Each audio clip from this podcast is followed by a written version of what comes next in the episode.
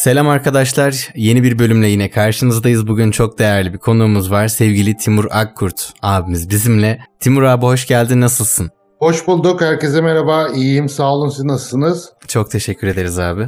Bildiğin gibi yani işler güçler her türlü devam ediyor bu süreçte. Ee, uğraşıyoruz diyelim. Ee, abi ben biraz seni bulmuşken aslında ilk sormak istediğim şeylerden birisi var. Hiç de lafı uzatmadan, gevelemeden şeyi sormak istiyorum. Ya bu ben çok e, yaş olarak böyle tam ucundan bitiş dönemlerine yetiştim. Bu A takımı maceranız vardı sizin. Evet. Ee, senin de YouTube kanalında bununla ilgili anıların olduğu kısımları özellikle çok severek izliyordum hep te, bu şeyden beri hatta yani Ta'nın ilk zamanlarından beri falan e, takipçinizim. O zamanlardan beri bu anılar denk geldiği zaman böyle bir yüzümde tebessümle izliyordum. Senden o dönemlerle ilgili bir hani bir nasıl geçtiğini bir de senden o şeyleri dinlemek isterim açıkçası. Aa. Dijital dönüşüm sürecinde hani o dönemin yayıncısı olmakla bu dönemin yayıncısı olmak arasındaki süreci de belki bahsedebilirsin. Ya da güzel bir anı da hani geldiyse aklına öyle bir şey de olabilir. Yani birazcık A takımı macerasından bir parça daha almak isterim açıkçası. Ya A takımı dönemi tabii çok özel bir dönemdi. Televizyon, özel televizyonların yeni yayına geçmiş olduğu bir süreçti. Bir, bir buçuk yıl daha yeni olmuştu. O zaman Interstar e, Magic Box Hı-hı. adıyla evet. yayın yapıyordu. E, sonra ben Kanal 6'nın açılmasıyla daha doğrusu antene çıkmadan önce kanalda çalışmaya başlamıştım. Biz böyle e, antrenman yayınları yapıyorduk offline şeklinde. E, orada işi öğrenmeye başladım 93 senesinde, 92 senesinde.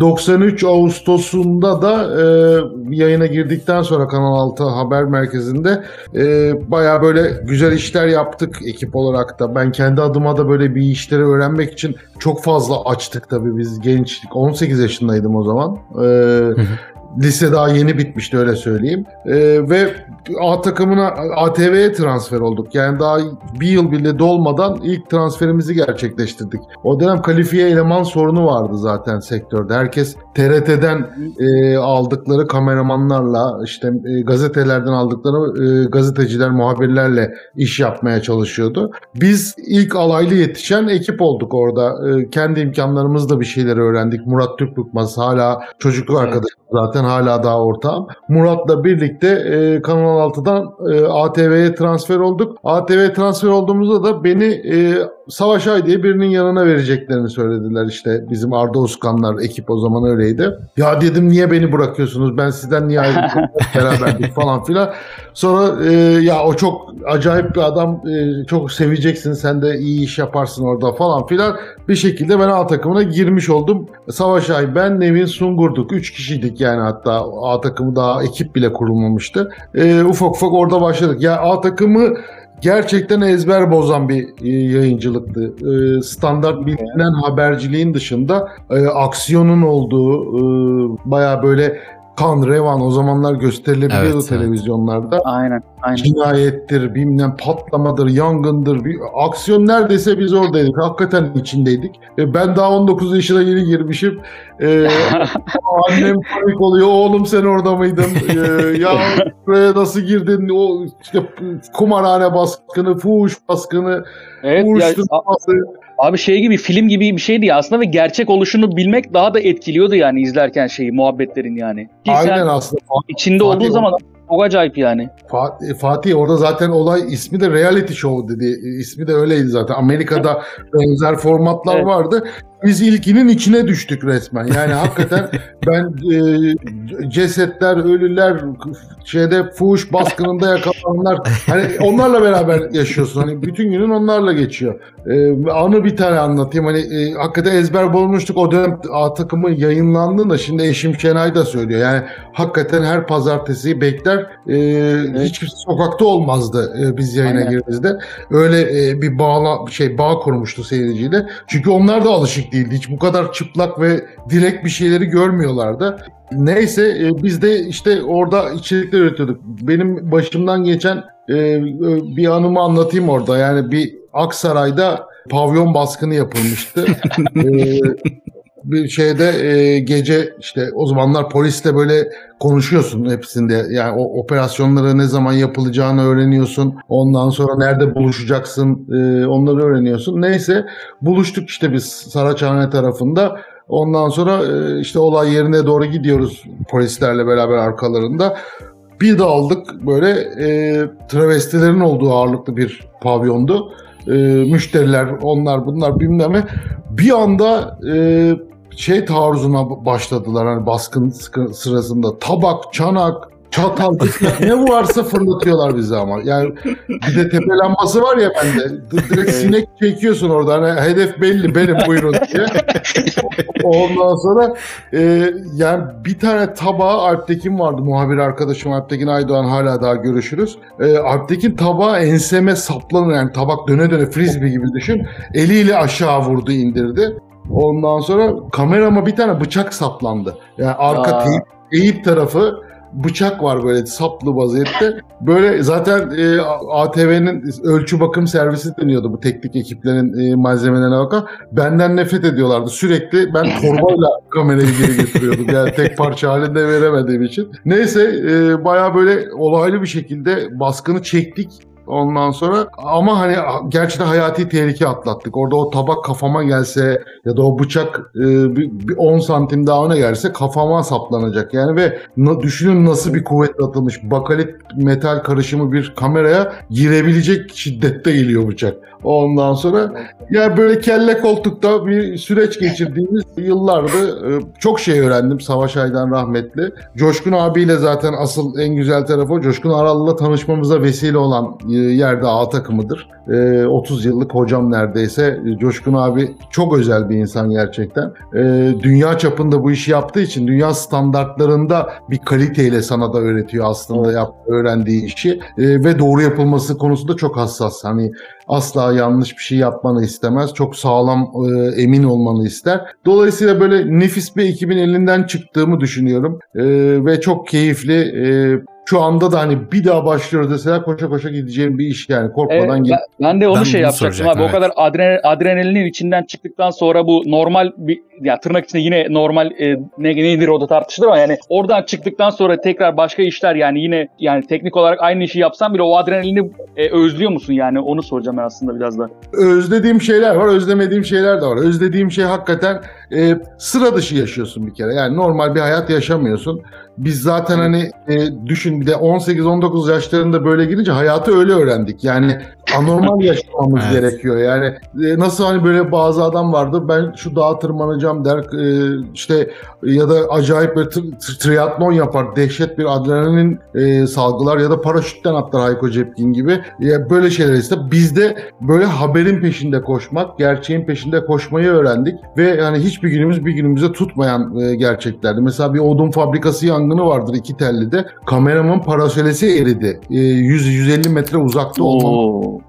Yani e, öyle böyle değil sıcaktan böyle her yer e, yumuşadı kameranın böyle yerleri deyip. Yani düşün işte böyle bir hayat yaşıyorsun. İşte toplumsal olaylara giriyorsun. İşte olaylı 1 Mayıs Gazi Mahallesi olayları e, hepsinde oradasın. Ecevit e, Gazi Mahallesi'nde barikatının dibine geliyor. Sen onu çekerken bir anda taş kaya ne varsa adama fırlatıyorlar. Orada sen de duruyorsun armut gibi. Sen de yiyorsun o taşları. Hani rahat batmış insanların yapacağı iş e, bizim yaptığımız. Hani niye yaparsın? Ama işte biz orada Coşkun abiden de en güzel öğrendiğimiz şey oydu. Biz belgelemek için yaşıyoruz. Yani bir şeyleri birilerinin de belgelemesi gerekiyor. O anları ben çekmezsem evet. Türkiye görmeyecek. Ee, Ecevit'in başlanması olayım önemli bir olaydır mesela Türkiye'de. Ee, ki e, adam onları destekleyen ve onların yanında olduğunu söylemek için yanlarına geliyor. Ondan sonra ama işte bir şeylere biz şahit olup sizleri de şahit etmeye çalışıyoruz. Yaptığımız iş bu. Normal hayatta yani, yani şimdi yaptığım işlerde tek 10 yıldır tek ben zaten karar verip teknoloji tarafına yoğunlaşacağım demiştim. Dedim ki yani ben e, eskisi kadar e, toplumsal olaylara girip çıkmayayım. Çünkü eskisi gibi düzen yok şu anda. Gerçekten evet. bizim o zamanki özgür habercilik gerçekten haberdeki istediğimiz gibi yapabilmek, istediğimiz gibi çekebilme özgürlüklerinin olmadığı bir ortam var maalesef. Ben de açıkçası ne uğraşacağım dedim strese gireceğim. Neticede benim işim hani e, herhangi bir şeyi doğru yapabilmek. Gazeteciliğin temeli nedir? Ben aksi giden ya da neyse olan onları e, okurlara, e, izleyenlere aktarmakla yükümlüyüm. Gazeteciliğin birinci sorumluluğu o. Yorum yapmadan özellikle e, neyin ne olduğunu söylemek. Teknolojide şöyle bir fark var. Hani siyaset de mesela Ünsal abinin yaptığı yayınlarda da o olanı biteni anlatıyor. Bir de yorumluyor aslında neydi Evet. ne değil. Ben de teknolojide aynısını yapıyorum 10 yıldır. Ee, en basit anlaşılır dilde e, bu ne işe yarar? Alınmalı mı? Ee, insanları asla yanlış yönlendirmiyorum. Çünkü bir kere o tuzağa düşebilirsiniz. Yanlış bir Aynen adım öyle. e, telafisi olmayan adım bizde. Hani biz hep uçurumun kenarında yürüyoruz. Ayağımızı kaydırıp düşersek e, bir daha oradan çıkma şansımız yok. Yok oluyorsun. Yani gazetecilik mesleği böyle bir şey. Hep böyle bir ipin üstünde yürüdüğün bir meslek. Bir kere düşersin bir daha çıkıp bir daha yürüme şansın yok. Evet. Dolayısıyla e, hep o hassasiyetle ve öğrendiğim doğrularla bu işi yapmaya çalışıyorum. Elimden geldiğince de takipçilere de cevap vermeye, onların dertleri yani bazen çünkü şey bende de vardır, teknoloji severlerde vardır o. Kutusunu açarsın, ondan sonra power düğmesine basarsın ve çalışmaz. Ya da işte bir aksi Evet evet. ya dünyanın en kötü anıdır teknoloji sever için böyle bir şey. O hatta e, bizim e, Instagram DM'den bir tane e, arkadaş drone almış e, bir marketten böyle tekno marketten. E, çalışmıyor. E, adam bunalımda videolar atıyor bana abi bak böyle yapıyor. ben de anlıyorum onun de dertleri ne kadar büyük sıkıntı yaşadığını. Şunu dene bunu yap böyle yap. Hepsini de abi al götür yerine dedim yani başka türlü olmaz bu fabrikadan böyle çıkmış da olabilir.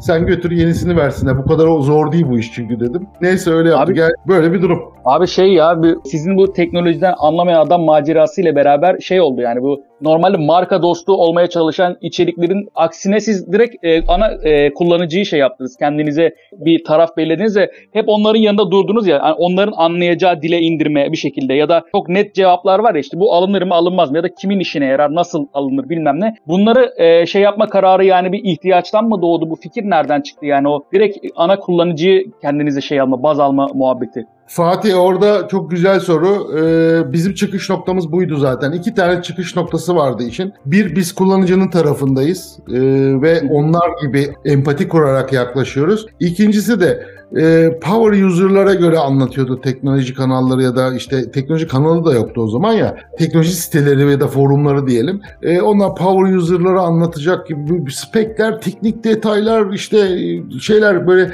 acayip acayip rakamlara üzerine kurulu bilgilerle dolu bir şey veriyorlar. Biz çalışıyor mu çalışmıyor mu? İyi çekiyor mu? yani teknolojiyi hep slogan teknosafari.net'in sloganı da odur. Teknolojiyi en anlaşılır şekilde anlatmak gayesiyle yola çıktık. Dolayısıyla orada aslında baktığımızda biz tüketici tarafındayız her zaman. Ben gazeteci olarak da zaten tüketici tarafındayım. Bir şey soruyorsam da tüketiciye aktarabilmek adına e, markalara soruyorum. Ha tabii burada şeyi e, altını çizmek lazım. Biz projeli iş yapmıyor muyuz? Tabii ki yapıyoruz. Ama bakın e, yeni yeni işbirliği yazmaya başladılar. Biz bunu yaptığımız işe başladığımız günden beri bütçeli bir iş yaptıysak altını çizdik. Hatta teknolojiden anlamayan adamda öyle bir playlist oluşturdum ben. Helal edin playlistine koyuyordum oradaki. Yani takipçi de bunu biliyordu ve hatta çok hoşuna gidiyordu. Abi daha çok helal olsun daha çok gelsin size öyle işler falan filan. Hani bizim dürüstlüğümüz her zaman gücümüz oldu. E, ben o e, güçle de hareket ediyorum. Teknoloji anlamaya damla da ezber bozan bir format istedim ben. Yani sıradan bir yöntemle video üretmeyeyim. Ben video yaptığım sırada diğer dediğim gibi kanallar yazılı içerik giriyordu. Şimdi baktığınızda herkes e, video ve Evet. YouTube üzerinde içerik üretiyor. Ama ben orada birazcık güldürelim. Yani e, 15 dakikalık videonun 3 dakikası ürünle ilgili, 12 dakikası goy goy. Yani çünkü zaten insanların birazcık kafası dağılsın. Ondan eğlensin, yüzü gülsün. Ama 3 dakikalık konuştuğumuz konularda da aslında o ürünle ilgili gerçekten o söylenmesi gerekenler. Çünkü o kadar sürüyor zaten. Bir ürünü ne kadar anlatabilirsin ki? Yani çok Aynen. teferruatlı anlatacağın bazı e, ekstrem örnekler olabilir ama genelde bir telefon anlatacaksan 3 dakikada bitiyor zaten e, özelliklerini saymak. İşte bir şey, biz bir de deniyorduk orada hani e, su geçirmiyormuş o zaman buz kovasına atalım. İşte soğuğu, soğukta çalışmıyormuş o zaman tavada pişirin de ısınsın. Ondan Ha, birazcık böyle işte, e, deforme ederek eğlendirmeye çalıştık. Tuttu da çok güzel gitti ama misyonunu tamamladı. Hani sürekli de öyle bir şey yapmak istemedim. Ondan Evet. sonra dolayısıyla e, şu anda güzel bir proje olarak duruyor. E, kanalı da kapatmıyoruz. Öyle insanlar arada gidip seyrediyorlar. Ya şey de vardı zaten. E, yani teknoloji kanallarının genelde çıkmazı şudur yani bir ürüne bağlı bir şey vardır. Yani onun yenisi gelmediği zaman içerik aslında yoktur gibi. Sizin içeriğiniz içeriklerinizde genelinde yani bu diğer kanallarda birlikte yaptınız. E, hep şey vardı yani içerik aslında sizsiniz. E, o diğer eklenenler sadece değişiyordu yani. Aslında muhabbete de bir yerde insanlar geliyor. Ben mesela hiçbir o te- telefonum vardı mesela ama almayacağım telefonun videosunu bile o demin anlattığın şeyler yüzünden bir izleme şeyi oluyordu. Çünkü bir takip oluyor. Bir aramızda iletişim olduğunu hissedebiliyorduk orada izlemeye devam ettiğimiz sürece yani. Kesinlikle öyle. Ee, biz de tamamen buna odaklanmıştık. Zaten bunu sağlamak istiyorduk. Ee, senin gibi pek çok da e, kişi var. Bu arada hakikaten hala takip ediyorlar beni. Yani Evet. e, 2013'te mi başladık biz teknolojide anlamaya da hatırlamıyorum tam e, yılını ama e, müthiş bir birliktelik oldu orada. Aile gibi olduk. Aynen. Ee, dolayısıyla onun keyfini sürüyoruz. Ee, çünkü o samimiyet, o güzel e, ortam artık yok malum. Yani e, çok fazla kanal olmasından kaynaklı. Bir de e, çok daha e, gençlerin e, içerik üretmeye başlamasıyla beraber bir de şöyle bir sıkıntı doğdu. Şimdi her şey para gözüyle bakılan pek çok Evet. kanal var. Yani ne yaparsan yap bir yerden e, size bir liste yaptım kaydırın izleyin. Yok şöyle yapın böyle yapın. Ya o kadar e, para odağında olduğun zaman aslında e, o gün belki biraz kazanıyor gibisin ama uzun vadede aslında kaybedensin. Dolayısıyla mesela ben orada o dengeye çok dikkat ediyorum. Yani e, projeli iş elbette alıyoruz çünkü hayatta kalmamız gerekiyor. Başka hiçbir şeyimiz yok. E, kanalın katıl butonunu açtığında bizim personelin, ekibimizin e, montajcısı, kameramanı, muhabiri, editörü maaşlarını, ofisin kirasını karşılayacak parayı kazanabiliyor olsak ge- gerçekten Amerika'daki gibi olsa ben e, YouTube reklamlarından da gelen standart parayla dönebilsem hakikaten hiçbir zaman projeli iş almam mesela. Yani çünkü o zaman e, ne istiyorsan yapabildiğin e, özgür alanında kalırsın. Ama Türkiye şartlarında mecbursun bazı projeleri yapmaya. Ama orada da kırmızı çizgiler koyuyoruz. Nedir o? Olmayan bir şeyi asla söylemiyoruz. Ya orası çok patates aslında da orayı hiç öne, öne çıkartmayalım da siz yine de şöyle şöyle deyin falan. Hani böyle bir şey yapmıyoruz. Ee, en azından e, bir standardı korumak zorundayız. Ee, tabii ki bir de e, açık bir şekilde beyan etmeniz gerekiyor. Bu bir işbirliği videosu. Buradan ben para aldım ya da ürün aldım. Çünkü bazen de teknik ürüne ihtiyacımız oluyor. Ee, markalarla barter'ı o şekilde yapıyoruz. Yani ben sana para vermeyeyim, sana ama burada iyi bir prodüksiyonu video üreteyim. Ee, sen de bana bu cihazı ver diyorsun mesela. O da bir reklam şekli. Televizyonlar da böyle dönüyor biliyorsunuz. Hem reklam hem barter. Yani Evet. mesela dizilerde e, inanılmaz böyle şeyler, böyle role caption'larda görürsünüz. Aynen her şeyi var Yok, neredeyse yani. şey, Adam yemeği bir yerden almıştır, işte ne bileyim üst başı bir yerden almıştır, ev aksesuarlarını bir yerden almıştır. Neticede bir, bir şekilde orta yolu bulmak zorunda. Yani bunların hepsine para vererek yapmak gerçekten çok zor. Hele ki Türkiye bir bizim gibi bir coğrafyada. Evet ve bu, bu şey de var abi. Ee, YouTube ödemeleri de yurt dışındakilere kıyasla yani yok denecek kadar az aslında şeydi. Onların verdiklerini oranlayan Tabii. Yani e, ben ayda 10 bin dolar, 15 bin dolar para kazanıyor olsam YouTube reklam gelirimden hiç kimseye ihtiyacım yok. Ben kendi kendime düşse Türkiye'de 15 bin dolar para kazanıyorsa onu 7.50 ile çarp en kötü 7.5'da herhalde ciddi bir para ediyor. Yani e, ben o parayla zaten bütün e, masraflarımı karşılarım. Ondan sonra bir de e, üstüne prodüksiyon yapabilecek param olur üstünde. Prodüksiyondan kastım şu. Atıyorum e, helikopterden telefon atmaya giderim. Gerçek helikopterden. Evet Ya evet bu- da bunların gelir artırır zaten. Ya da işte su geçirmez olduğumu iddia, iddia ediyor. Bizim muhabiri rafting yapmaya yollarım e, Fırat Nehri'ne. Orada rafting Aynen. yapar, telefonla konuşur, öyle video çekerim. Yani o zaman bunlar hepsi para. Yani mecburen bunlara bütçe ayırmak zorunda. Çünkü raftingçiye abi beni bedava kaydı sana teşekkür edeyim desen olmuyor. Ya o adam zaten günde kaç kişiden para kazanabiliyor. E, her şey Evet. batıl değil. E, bir de e, sisteme senin de para vermen lazım ki dönsün. Dolayısıyla. Bir şekilde e, para kazanmak zorundayız. Ama bunu yaparken de eğip bükmeden davranmak zorundayız. Yani gazeteci olduğumuzu, standartları korumamız gerektiğinin bilincinde olmalıyız diye düşünüyorum. Abi bir de bu şey deyince rafting deyince şey geldi aklıma ya sizin bir öyle birkaç e, arkadaşınızla birlikte yine yani YouTube içeriğinde şey e, keyifli adamlardı galiba ismi yanlış hatırlamıyorsam. Evet, Ee, öyle bir içeriğiniz de vardı. Çok e, onu da bayılarak izliyordum açıkçası da bir süredir onlar da e, çok görünmüyorsunuz o taraflarda. Bir var mı yine böyle bir planlar bir araya gelip içerik üretme şeyleri? Şimdi o keyifli adamlar gerçekten dünya standartlarında bir iş. Çünkü o formatta hiçbir şey yoktu biz bunu Evet, yaptığımız aynen. sırada. Ben hala daha görmedim o tatta bir şey. Ya inanılmaz bir bağ kurdu o seyirciyle. Ee, üç buçuk saatlik video koyuyorduk. Kitle tutması yüzde seksen. Yani Evet abi. buçuk saati adam zıplatmadan atlatmadan seyrediyor. O Ben, kadar ben işte abi. ya e, şeyler vardı abi seyahate giderken download ettim e, affedin beni e, kaçak download etmiş hani YouTube'dan öyle programlar var ya Evet. otobüste seyretmek için indirdim falan diyenler E, sabırsızca e, açmamak için kendimi zor tutuyorum yolculuğum var orada seyredeceğim oraya sakladım falan diye. Ya müthiş bir proje. E, oradaki sıkıntı şuydu Keyifli Adamlar konseptinde Omurga'da e, Murat, ben, Ekin ve Ersoy Yaşar vardı. Barış çok az girip Evet. çıkıyordu o işlerinden dolayı ama asıl ana kadro bu dördümüzdü. Ersoy Almanya'ya yerleşmek zorunda kaldı. Eşinin Aa. işinden dolayı Münih'e gittiler. Dolayısıyla bizim Keyifli Adamların keyfi kaçtı. Yani orada e, Ersoy'un olması şart yani. Ersoysuz Keyifli Adamlar asla düşünemeyiz. Çünkü oradaki baktığınızda bana, Murat'a, Ersoy'a, Ek- Ekin'e dört telden çalan farklı karakterler. Aynen.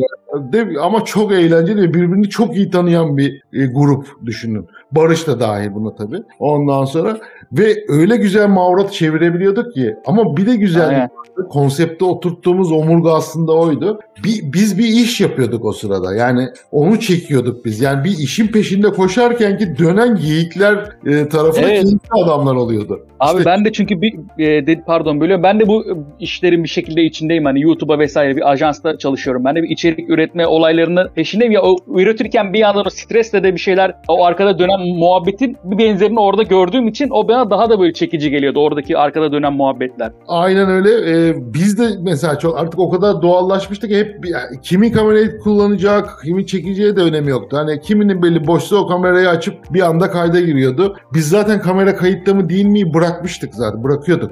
Yani sürekli goy goy. Mur- Murat orada harikalar yaratıyordu. Yani e, siz üç buçuk saat izliyorsunuz. O demek ki en az 100 saatlik görüntü seyretmiş. Yani Evet. 100 saatten 3,5 saatlik bir uzun metraj çıkartıyor. Ondan sonra zaten Murat enteresan bir adam. Çok acayip bir karakter. Ee, o, o, o mesela keyifli adamların hayata geçme şeklisini o sağladı. Yani ne ben ne Ekin ne onu Ersoy başarabilirdik. Ee, onu bütün hepsini izleyip tabii şu avantajı vardı. Bütün aksiyonu bildiği için başından sonuna kadar neyin ne iyi olduğu yerleri biliyordu. Boş yerleri çok uğraşmıyordu. Tık tık tık bağlıyordu gidiyordu ama çok emek e, vardı arka planda. Kesinlikle yani. E, biz de çok özlüyoruz. E, ama işte dediğim gibi Ersoy olmazsa da biz de yapmayız dedik. Yani böyle 3 kişi ya da 2 kişi keyifli adamlar olmuyor. Yani çıkmıyor Evet tat. E, hala duruyor kanalda bizim kanalımız. E, ama bir gün Ersoy gelir de arkadaşlar bir ay sizleyip takılıyor muyuz? Hemen toplanır ekip öyle söyleyeyim yani. Aa keşke olsa ya öyle bir reunion yani Friends'ten sonra bir de keyifli adamlar bir araya gelse tekrar. Ya biz her her geldiğimiz zaman e, bunu yapabilir potansiyeldeyiz. O yüzden hiç sıkıntı yok. Ondan sonra e, yeter ki Ersoy'un Türkiye. Bir de bu pandemi girdi iki yıldır. Geçen sene gelecekti mesela. Hatta planlıyorduk da yani böyle Mayıs Haziran gibi bir seyahat yapalım. Bir macera yaşayalım. Onu da keyifli adamlar videosu çıkaralım. E, onu bile planlamıştık. En azından bir, bir hafta kopacaktık böyle e, evlerden. Ama işte pandemiden dolayı maalesef e, hiç kimsenin yaptığı plan tutmadı. E, boş geçtik. E, dolayısıyla şimdilik askıda duruyor proje. Valla ben Ersoy abinin gittiğini bilmiyordum. O biraz şey oldu. Ben de yani o, o olmadan yani o keyifli e, şey bu. ya. Daha doğrusu kadronun bir arada aynı şekilde olmadıktan sonra çıkacak şey dediğin gibi o eski tadı vermeyecek. Sen de e, öyle şey yapmışsın. E, bence iyi olmuş yani bu şekilde olması en azından bir araya geldiğiniz zaman yapılması hatta şey gibi olur. E, biz de sizlerle tekrar bir araya gelmiş gibi oluruz. O e, yeniden birleşmenin daha bir tadı çıkardı gibi geldi bana şimdi sen anlatınca. E, Aynen. şey Burada şöyle bir şey var. E, lafını kestim. Ya biz bir şey olması için zorlamıyoruz. Ya olacaksa ve olması gerektiği şekliyle olacaksa yapıyoruz. Hiç böyle bir video yapmamız lazım. Keyifli adamlara ne yapıp edip bir video koyalım falan. Böyle kaygılarımız yok. Zaten hep söylediğimiz de e, şeyde tek teknoloji anlamayandan da e, hatırlarsınız belki. Biz kaygısız yayıncılık yapıyorduk. Yani canımız nasıl istiyorsa öyle yaparız tadında. O zaten samimiyeti getiriyordu. Yoksa bir şey yapmak zorunda olduğun zaman hiç güzel olmuyor. Ee, bu seyirci tarafından da direkt alınan bir şey ondan sonra. Evet. Mesela takımdan ayrı düz koşu yapıyoruz biz her ayın son cumartesi gecesi. Yine bambaşka yerlerde ve bambaşka karakterlerde çok değişik bir ekibiz orada da. Ünsal Ankara'dan bağlanıyor. Coşkun abi İstanbul'dan, ben İstanbul'dan, Yekta da İstanbul'dan ama hepimiz evimizdeyiz. Ee, ve bir buçuk saat süren bir sohbet programı yapıyoruz. İnanılmaz ilgi çekiyor. Ama onu da bak kaygısız yapıyoruz. Yani herkes bir sürü işi gücü varken bile keyif aldığımız bir muhabbet ortamı yaratmaya çalışıyoruz ve buna şahit olmasını istiyoruz insanların da. Çünkü buna da ihtiyaç var. İnsanlar dikkat edin onun oraya gelen yolu, yorumlar inanılmaz güzel. Yani içimizi açtınız, iyi ki varsınız, şu karanlık günlerde ışık gibi doğdunuz. İşte e, her yerde olumlu e, yorumlar geldi geliyordu. Çünkü gerçek. Dümen yok. E, e, abuk subuk bir şey yok. Neyse o. Ya kadro bir kere zaten çok yani şey böyle hepsi bir araya geldiği zaman o hani yabancıların tabiri var. Süper grup diye bir şey vardır yani. Böyle hepsi evet, ayrı ayrı baktığı evet. zaman yıldız bir de bir araya geldikleri zaman acayip bir şey çıkıyor ortaya. Ki muhabbet zaten hani herkes bir anekdot anlatıyor, bir şey anlatıyor. Biraz böyle hani gündemden bir şey oluyor falan. Direkt zaten kendi başına içerik oluyor. Doğal hali yani. Doğal sohbetin kendisi bir yerde içeriye dönüşüyor orada. Ki Aa, öyle evet. daha da samimi çıkıyor yani. Dream Team yani aslında işte yani böyle e, hayatta bir araya gelemeyecek ya da getirmesi evet. zor olanların bir araya geldiği bir yer. O yüzden çok keyifle e, takip ediliyor. Devamda ediyoruz. Pandemiyle başladı o. İlk ben o zaman aklıma gelmişti. İlk kadro da aslında Ruşen abi de olacaktı. Ruşen Çakır da vardı. Vay, 5 kişi evet. olacaktık. Ruşen abi şey dedi. Medyaskop'ta Timur beni her gün neredeyse görüyorlar. Bir de ayın son cumartesi bir daha karşılamayayım. beni affet yapma dedi. Tepki gelir dedi. O yüzden yapmayalım dedi. Yani Ruşen abi de e, çok seviyor bizi. Zaten ay dostuz yani. Ondan sonra e, o yüzden o kadronun e, bir bir elemana da aslında ilk e, şeyi oluştuğunda o da vardı. Sonradan e, affını istedi. O da bize de tepki gelmesin, kendine de tepki gelmesin diye. Dolayısıyla böyle doğal halinde dört kişi olarak kaldık. Abi e, bir şey soracağım ben biraz daha böyle hani şey çok genel geçer bir soru olacak belki ama bir bu dijital dönüşümün çok içinde yani bunu direkt yaşamış ve Türkiye'de de bu e, YouTube Türkiye'nin aslında dönüşümünün ana parçalarından birisi oldunuz. Birçok kanala hem iş olarak olsun hem destek olarak olsun bir parçası olabildiniz. E, ben şeyi soracağım yani bu dijital dönüşümün geleceğini tam olarak yani bir, bir öngörün var mı? Hani bu iş 10 sene sonra mesela ne şey? Çünkü bir anda TikTok diye bir şey çıkıyor atıyorum ve her her şey bir anda değişiyor ya da Instagram'ın işte payı büyüyor bir şey oluyor. Sen YouTube özelinde ve dijital yayıncılık özelinde bir öngörün var mı bu konularla ilgili? Şimdi abi şöyle bir şey gerçekten tam ortasındaydık. Ben ana akımda e, çalışan biriyken e, dijital tarafta YouTube yokken içerikler üretmeye başlamıştık. Kendi video serverlarımızı kurmuştuk, e, canlı yayınlar yapıyorduk, videoları kendi video serverlarımıza yüklüyorduk. Ta ki e, YouTube gelene kadar bu iş bir business modele dönüştü. Biz aslında yayıncılığımızı yapmaya çalışıyorduk online tarafta. Evet. E, YouTube'un gelişiyle beraber dönüşüm başladı. Teknoloji, telefonların akıllanması, dokunmatik ekranlı o ilk Apple'la beraber de aslında e, fişeklendi diyelim. Roket taktılar gibi büyüdü. Dolayısıyla bu dönüşüm sırasında da ben hep e, dijitalin kalıcı olacağını, ana akımın yok olacağını, e, hatta bununla ilgili gazete bir günde de yazılarımda da bunlardan çok bahsettim ben. Bu dönüşüm kısmında duvara toslamama adına ne yapmak lazım diye tecrübelerimden e, edindiğim şeylerle yazılar yazdım. İşte uyarılar yaptım.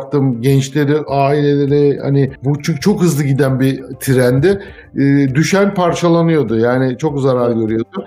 Dolayısıyla e, o o kısmı bitti artık. Hani hızı yavaşladı en azından trenin. E, şimdi öngörüler daha net sonuçlar verebiliyor ya da çok karanlık ya da gri değil. E, çok dersler alındı. Şimdi artık e, düzlüğe çıktığımız yani zirveye çıkış bitti. Düzlükte gitme zamanı. Yani bir, bir süre daha bu düzlük sürecek. Yani kalıcı yayıncılığın dijital olduğu kesin. E, ana akım artık zaten hele ki bizim ülkemizde zaten malum biliyorsunuz yok gibi bir şey. Ondan sonra e, dijital tarafta önemini kat be kat arttırmış durumda. Dünyada da e, zaten baktığımızda rakamlara 70 milyar euro Avrupa'daki 28 ülkenin dijital yatırımı reklam e, dönem pastası 70 milyar euro çok iyi bir para. Ondan sonra e, insanlar eskisi kadar artık ne gazete alıyor ne televizyonda bir akan yayın seyrediyor. Dolayısıyla bu işler bu tarafta oturuyor. Burada ayrışma nerede olacak? Sürekliliği sağlayabilen kalacak burada. Yani evet. herkes bir heves. E, artık ben de YouTube'a iş üretiyorum. Artık ben de Instagram'ırım. Artık ben de TikToker oldum. Falan filanlar böyle laf lafta kalanlar açıkçası yol alamayacaklar. Bir de böyle milyonluk hesapların artık eskisi kadar net projeler alamadığını biliyoruz. Sebebine gelince onları kullanma şöyle olmalı. Yani hep bunda konuşuyoruz. Hatta benim bugün yayınladığım videoda da bundan bahsediyorum. Dijital dünyada kime nasıl güvenelim diye bir video. Rapman forumundaki ana konuşma maddemizdi bizim. Yani büyük hesaplar aslında bir reklam billboardu gibi düşünün. Yani evet. şeyde ya da hürriyetin seri ilanları gibi düşünün. Ee, o milyonluk hesaplar size bir gün patates iyi diyor. Bir gün patates değil patatesin cipsi iyi, iyi diyor. Ertesi gün sosis iyi aslında ya boş verin patatesi diyor. Öbür gün diyor ben İmam Bayıldı'dan başkasını yemem diyor. Şimdi adam ne desen yapıyor. Ondan sonra ve bu zaten karşı taraf artık bunu e, falan diyerek hani sıkılarak önüne çıkıyor ve evet. geçiyor. Şimdi iletişim şekli buradan bu şekilde devam etmeyecek. Dolayısıyla bir konuda fokus olmuş, daha uzmanlaşmış, daha gerçek deneyime dayalı e, paylaşımlar yapanlar bu işten hem para kazanacaklar hem de daha itibarlı olacaklar. Çünkü öbürleri itibarlarını tükettiler. Yani yoldaki bir duvar oldular. Artık o duvara çiş de yapan var. Önünde dilenci de duruyor. Hani böyle kimliksiz bir yapıya dönüştü.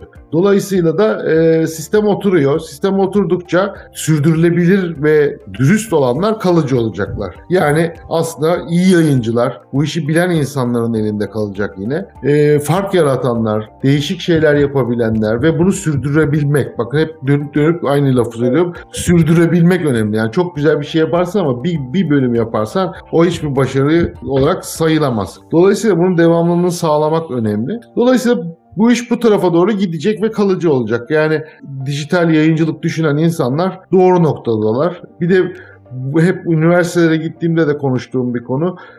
Herkes kameranın önünde durmak zorunda değil bu kameranın arka tarafında da çok ciddi bir ekip çalışması isteyen bir iş. Ciddi kafa patlatılması gereken bir iş.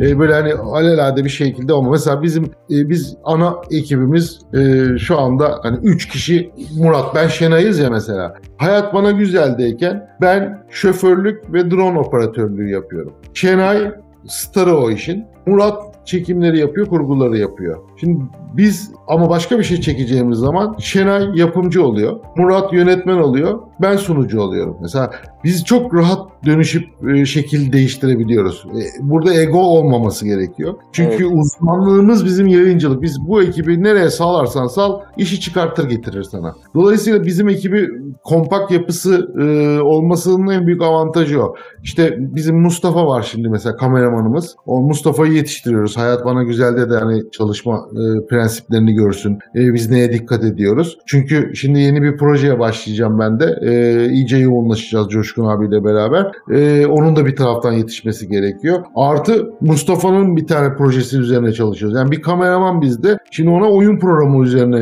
e, bir konsept geliştiriyor.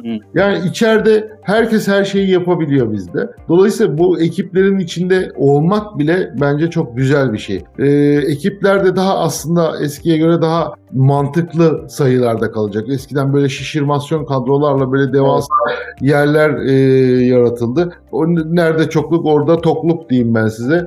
E, çünkü e, gerçekten bu işi yapmak isteyen zor bir iş. Yayıncılık gerçekten eziyetli, e, yıpratıcı, bir o kadar da zevkli. Ama kana karıştın mı da başka bir şey yapamadığın bir meslek. Tıpkı şey gibi tiyatro tozunu yuttuktan sonra adam oyunculuk kısmından vazgeçemiyor ya. Gazetecilik de yayıncılık da böyle. Yani sakin bizim hayatımız yok. Ben her gün neyi çekeceğim şunu mu? Ama bunu eğlenerek yapıyoruz biz. Hani iş diye Allah kahretsin şunu da çekmem lazım falan. Hiç böyle dertlerimiz yok. Dolayısıyla e, bu sektörün içerisinde farklı konumlarda da iş bulmaları insanların. İlla mesela çok iyi konuşmak konuşmak zorunda değilsin ama müthiş bir gözün var diyelim. İnanılmaz bir görsel zekaya sahipsin, görsel yeteneğe sahipsin. Kamera arkasında e, harikalar yaratabilirsin. Yani sen orada çok iyi olabilirsin. Yine çok para kazanabilirsin. İşte kurgu tarafında, 3D animasyon tarafında yeteneği var. Metin yazarısındır. İnanılmaz güzel yazıyorsundur. Hani hikayeleştiriyorsundur. Yani boş yok burada. Bir sürü iş alanı var ve bunun için piyasada gerçekten doğru düzgün eleman sayısı e, yok. Bizim işte ilk Kanal 6 açıldığında TRT'nin kameramanlarıyla idare edildi. Sonra kalifiye elemanlara yetişti ya. Dijitalin patlamasıyla da böyle bir e, kalifiye eleman sorunu çıktı mesela. Yani montaj, evet. iyi montajcı bulamıyorsun. Çok sıkılıyor adam hani e diyor işte ben birazcık da şöyle montaj yapayım, şunu montajlayayım. Ya işte iş neyse onu montajlamamız gerekiyor. Yani neticede eldekini tüketmek lazım. Montajı eylemiyoruz neticede. Yani iş üretiyoruz. Dolayısıyla Evet. e, o alanda çok eksik var. Çok zorlanıyoruz biz iyi montajcı bulmak için. Ee, o taraflarda da kendinizi iyi hissediyorsanız bence hani e, dinleyenler için söylüyorum geliştirebilirsiniz. Ee, fırsat var diyeyim. Ee, abi çok teşekkür ediyorum e, cevapların için. Arkadaşlar dinlediğiniz için çok teşekkür ederiz. Sevgili Timur Akkurt e, bizlere konuk olarak bizleri şereflendirdi. Kendisine de çok teşekkürler. E, teşekkür ederiz Timur abi geldiğin için, güzel e, sohbetin için. E, Estağfurullah e, ne demek e, büyük bir keyifle geldim. E, güzel sohbet oldu ama çok ben konuştum gibi sanki size hiç söz vermedim. Yok abi biz, bizi hep dinliyorlar ya. Biz zaten hani senin sohbetin için, seni dinlemek için istiyorduk. Ee, çok güzel oldu gerçekten. Ee, dinleyenlere de çok teşekkürler buraya kadar dinledilerse diyerek e, bir sonraki bölümde görüşmek üzere. O zaman ben de size iyi yayınlar diliyorum. Keyifli muhabbetler diliyorum. Hoşçakalın.